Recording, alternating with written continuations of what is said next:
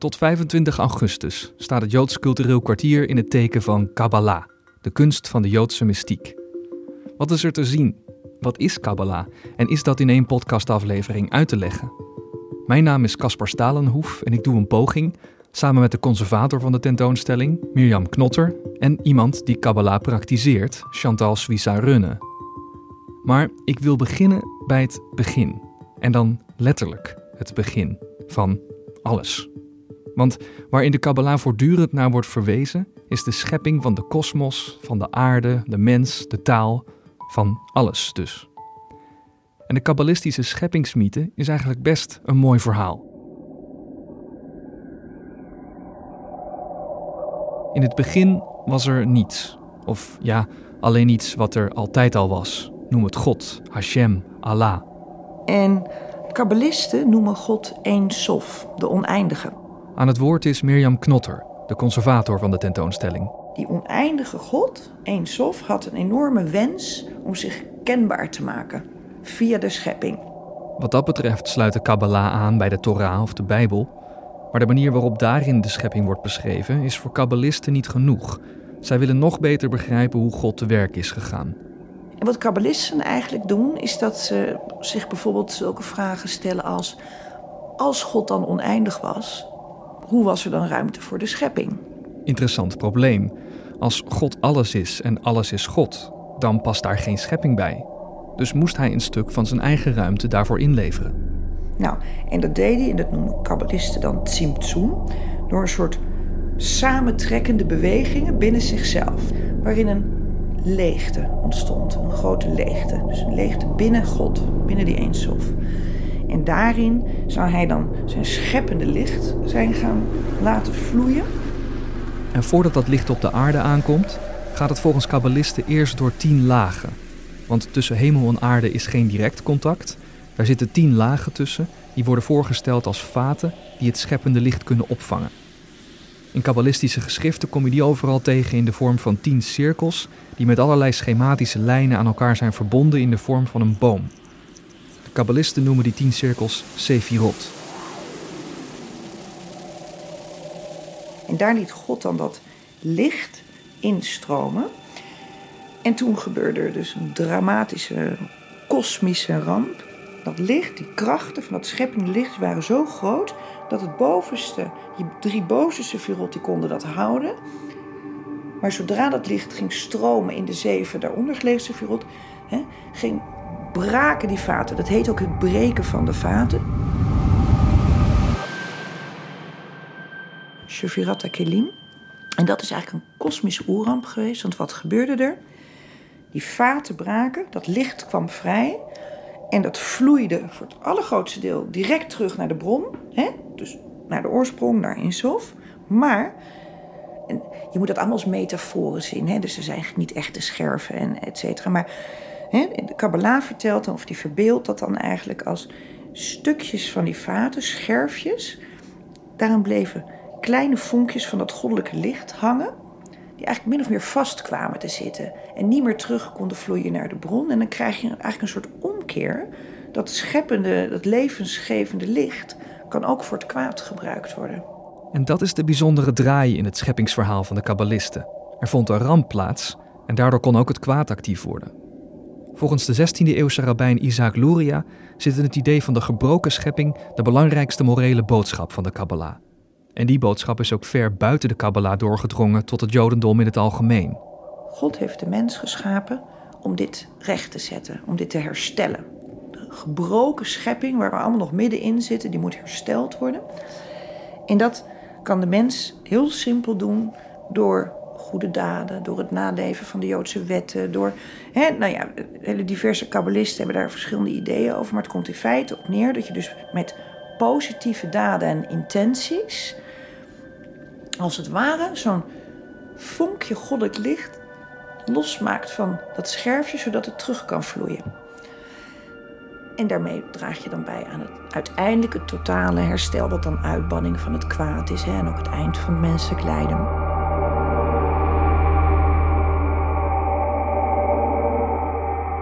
Wat dus lijkt op een kosmische ramp, is in feite altijd het plan geweest.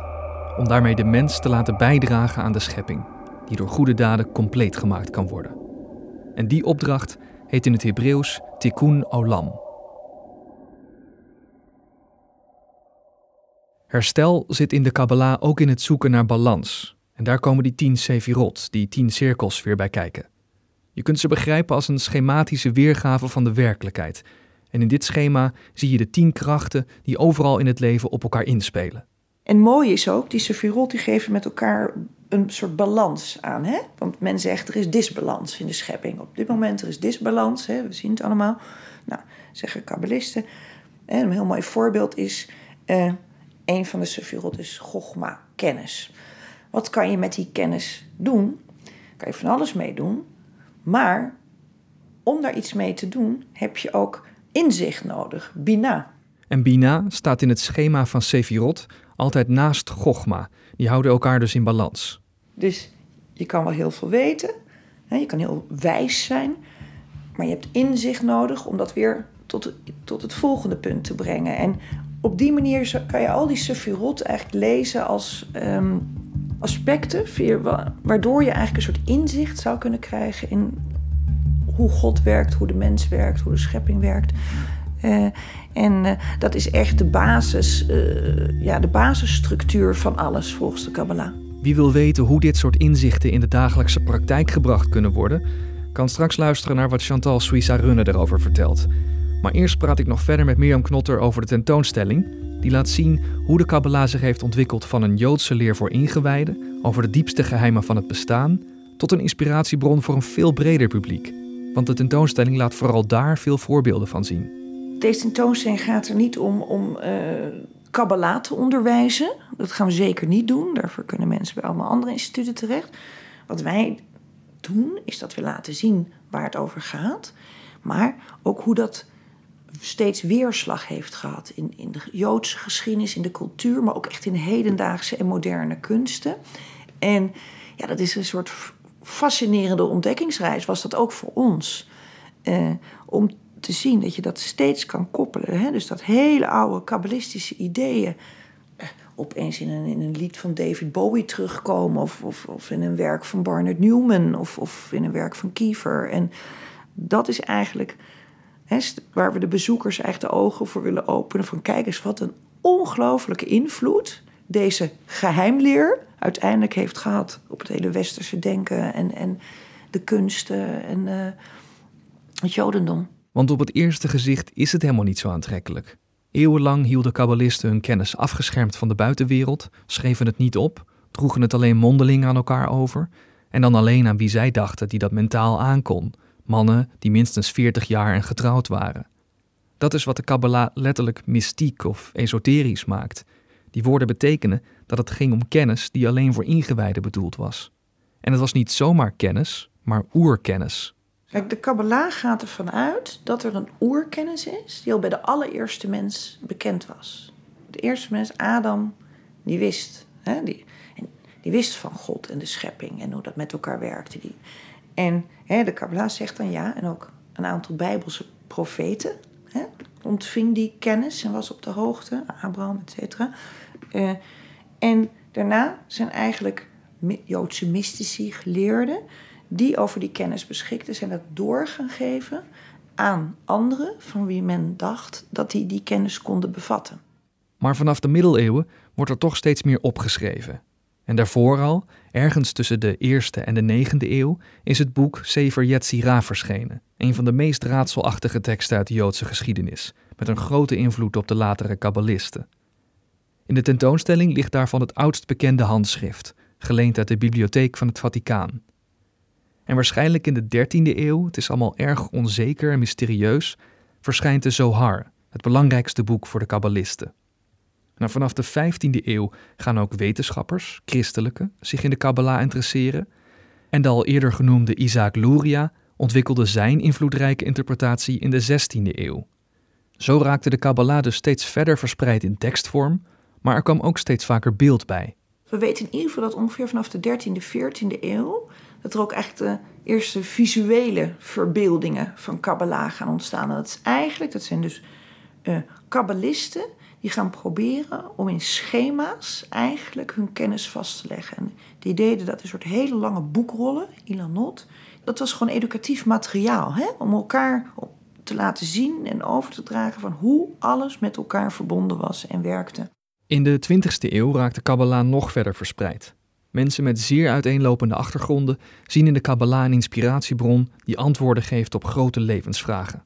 Maar wat zo vreselijk interessant is, is dat we zien dat zodra die kennis een groter publiek bereikt, en het is eigenlijk, kunnen we dat bijna allemaal terugvoeren voor het grootste deel naar Gershom Scholem, de grote Kabbalah-geleerde, die met zijn publicaties voor het eerst dit soort kennis over Kabbalah toegankelijk maakte voor iedereen. En wat vreselijk interessant is, je ziet dat heel veel kunstenaars zijn boeken in de kast hadden staan en lazen. En via de boeken van Gershom Scholem over Kabbalah dat als inspiratiebron voor hun kunst zijn gaan gebruiken. Zo maakte Barnett Newman bijvoorbeeld een werk met de titel Tzimtzum, waarin je de samentrekkende bewegingen kunt herkennen waar Mirjam het eerder over had toen het over de schepping ging.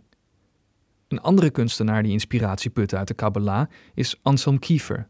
Bijvoorbeeld voor Anselm Kiefer is het, het breken van de vaten, de kabbalistische catastrofe, de oerramp.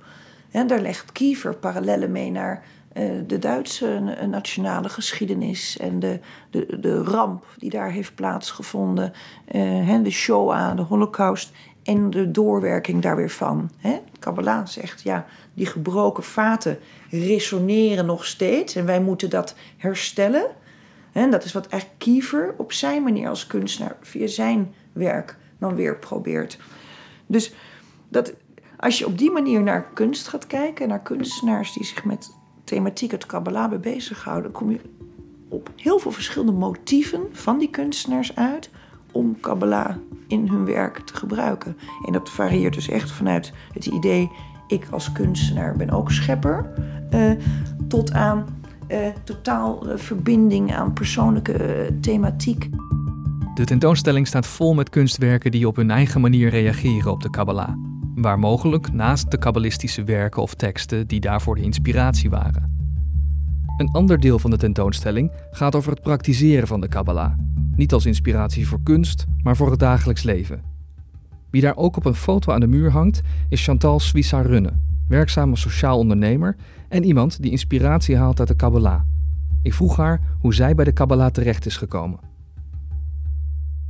Uh, nou, eigenlijk wat ik, wat ik miste, ik heb dus wel een Joodse opvoeding gehad, maar meer cultureel zou ik zeggen dan religieus, of een beetje enigszins traditioneel met feestdagen en zo. Alleen wat ik als jong meisje vroeg me heel erg af wat de zin van ons leven was. En, en waarom we hier in godsnaam op deze aardkloot een beetje in de ronde liepen aan te modderen. En ik, ik zocht echt een soort van spiritueel antwoord. En uh, ik kon dat aanvankelijk niet in het jodendom vinden waarin ik was opgegroeid, in eerste instantie. En wat ik toen heb gedaan is denk ik wat veel mensen doen die op zoek zijn naar spiritualiteit. Je kan het zo gek niet bedenken. Ik heb ook een reiki-graad trouwens heel fijn en dat werkt nog steeds prima. Energiewerk gedaan, tarot, je kan, eh, weet ik veel wat allemaal. Allemaal vormen van. Eh, ik heb me in Oosterse filosofie verdiept, ook heel interessant overigens. En het waren allemaal voor mij wijsheden. Dus heb ik daar wat van geleerd? Absoluut. Allemaal stukjes van een puzzel. En die puzzelstukjes vielen voor Chantal pas samen toen ze Kabbalah-cursussen ging volgen. Ik, het bracht me zoveel die kennis, die wijsheid, die uitwisseling, dat ik dacht, ja, dit is wat ik zoek. En toen ben ik zeg maar die, die cursus en dat, dat studiepad blijven volgen. Inmiddels met verschillende leraren heb ik gehad. En wat ik er mooi aan vind, is dat het gaat over praktische spiritu spiritualiteit. Want ik ben, ja, ben heel spiritueel, maar nee, absoluut verreweg van geitenwolle sok. Uh, dus ik wil dan ook meteen kunnen implementeren wat ik ermee kan en hoe het mijn leven gaat verbeteren of dat van anderen. En mhm. dat vond ik daar. Dus. Op de foto in de tentoonstelling staat ze met in haar armen de Zohar, het belangrijkste boek van de Kabbalah. Een boek dat ook duidelijk maakt op wat voor manier de Kabbalah geënt is op het Jodendom, omdat het dezelfde indeling heeft als de Torah, waar het net als de Talmud dus een aanvulling op is. Chantal vertelt dat de Torah natuurlijk vol staat met aanwijzingen voor het leven, Alleen ik zoek altijd naar het spirituele waarom. Even een heel praktisch voorbeeld. In de Torah staat dat je het bokje niet in de melk van zijn moeder mag koken. Nou, de rabbijnen in de halacha hebben daarin al hun wijsheid of onwijsheid, uh, al naar gelang hoe je er naar kijkt, van gemaakt dat je dus melk en vlees niet mag mengen. En dat je de zoveel uur moet wachten. In Nederland maar één uur, maar buiten Nederland heel veel meer uur. Moet wachten tot je na vleesconsumptie melk mag. Ik dacht, wat, wat heb ik daar eigenlijk mee te schaften? Wat een onzin. Ik bedoel, omdat er iets staat over een bokje en, en melk en een moeder en een stelletje mannen met baarden heeft bedacht. Echt niet. En toen ging ik Kabbalah studeren.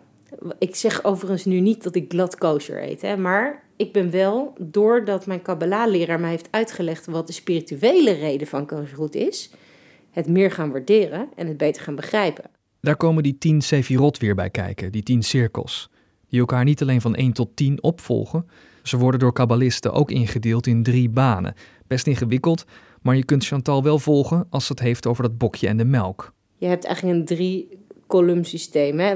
De, rechterkant uh, energetisch staat voor geven, de linkerkant staat voor nemen, ontvangen en uh, de afscheiding in het midden staat voor de balans. Dat tussen die, twee. Die, boom. Ja, heb je het nu ja over. precies. Left, right en, en center. Ja, precies. Nou, dat idee. Dus links, rechts en, en, en, en de balans in het midden. En hij legt uit: vlees is de energie van de dood. Hè? Het bloed, het, het dier moet geslacht, etc. Melk is de energie van het leven.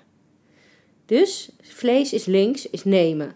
Melk is rechts, is geven, is barmhartigheid, geven, nieuw leven. Wanneer een dier geeft alleen melk als het zoogt, uh, natuurlijk gezien dan. Als het uh, net een baby heeft gehad. En die twee energieën, die moet je niet vermengen, want dat is niet gezond. Daar moet je uh, een, even een scheiding in aanbrengen. Hè? Eigenlijk jezelf dus even op de rem zetten.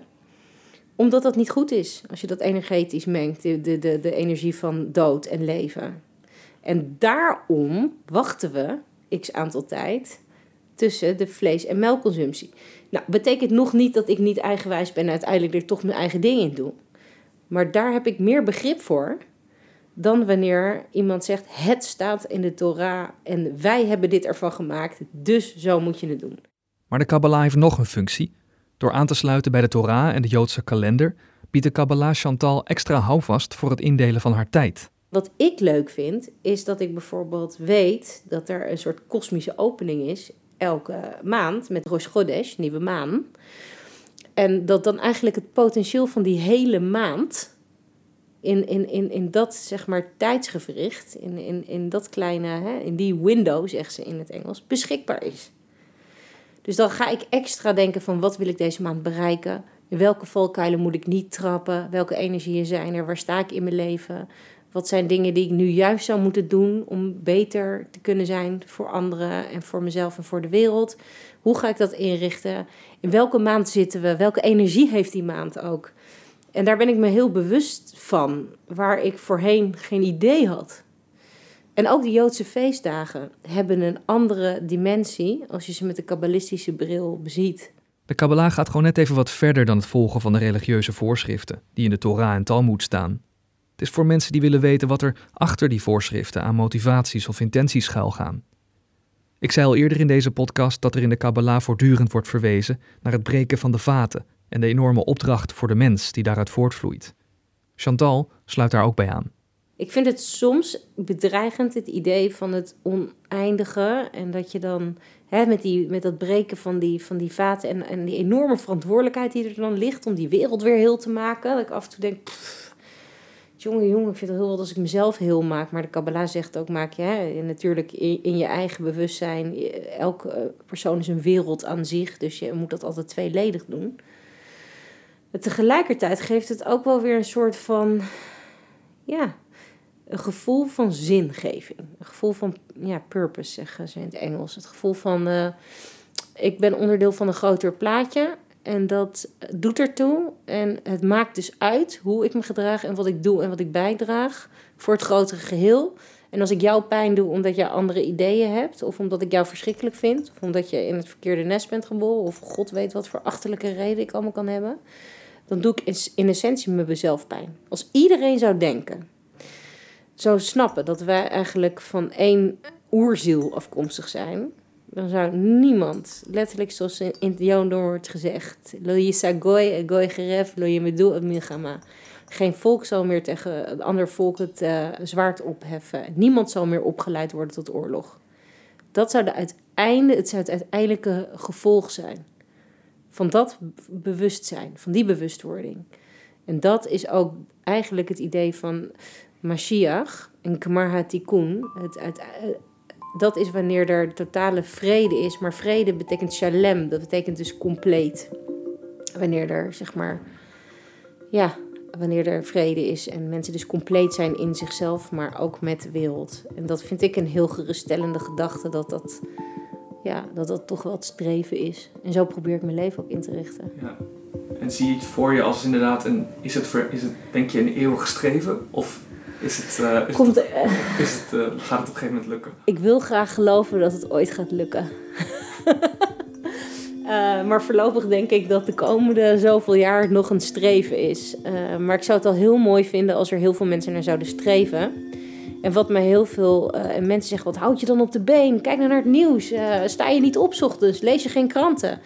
En dan denk ik ja, maar dan heb ik altijd heel veel geruststelling in de woorden van Martin Luther King, die eigenlijk ook in de Kabbalah al jaren resoneren. En dat is dat het aansteken van een kaarsje in een stikdonkere kamer zo oneindig veel meer effect heeft dan in een helverlichte kamer. dus het hele idee is dat, dat je juist licht kunt brengen op de allerdonkerste plekken. En dat geeft ook weer troost en zingeving. Op de tentoonstelling in het Joods Cultureel Kwartier kun je eigenlijk twee dingen doen. Je kunt je onderdompelen in de Kabbalah als spirituele leer, of je kunt je gewoon vergapen aan de prachtige objecten en kunstwerken die geïnspireerd zijn door de Kabbalah. We hebben ook kabbalistische inloopspreekuren, lezingen en een Kabbalah festival. Ze staan allemaal op onze website jck.nl. Dit is het einde van deze podcast. Mijn naam is Caspar Stalenhoef. Tot ziens in het Joods Cultureel Kwartier.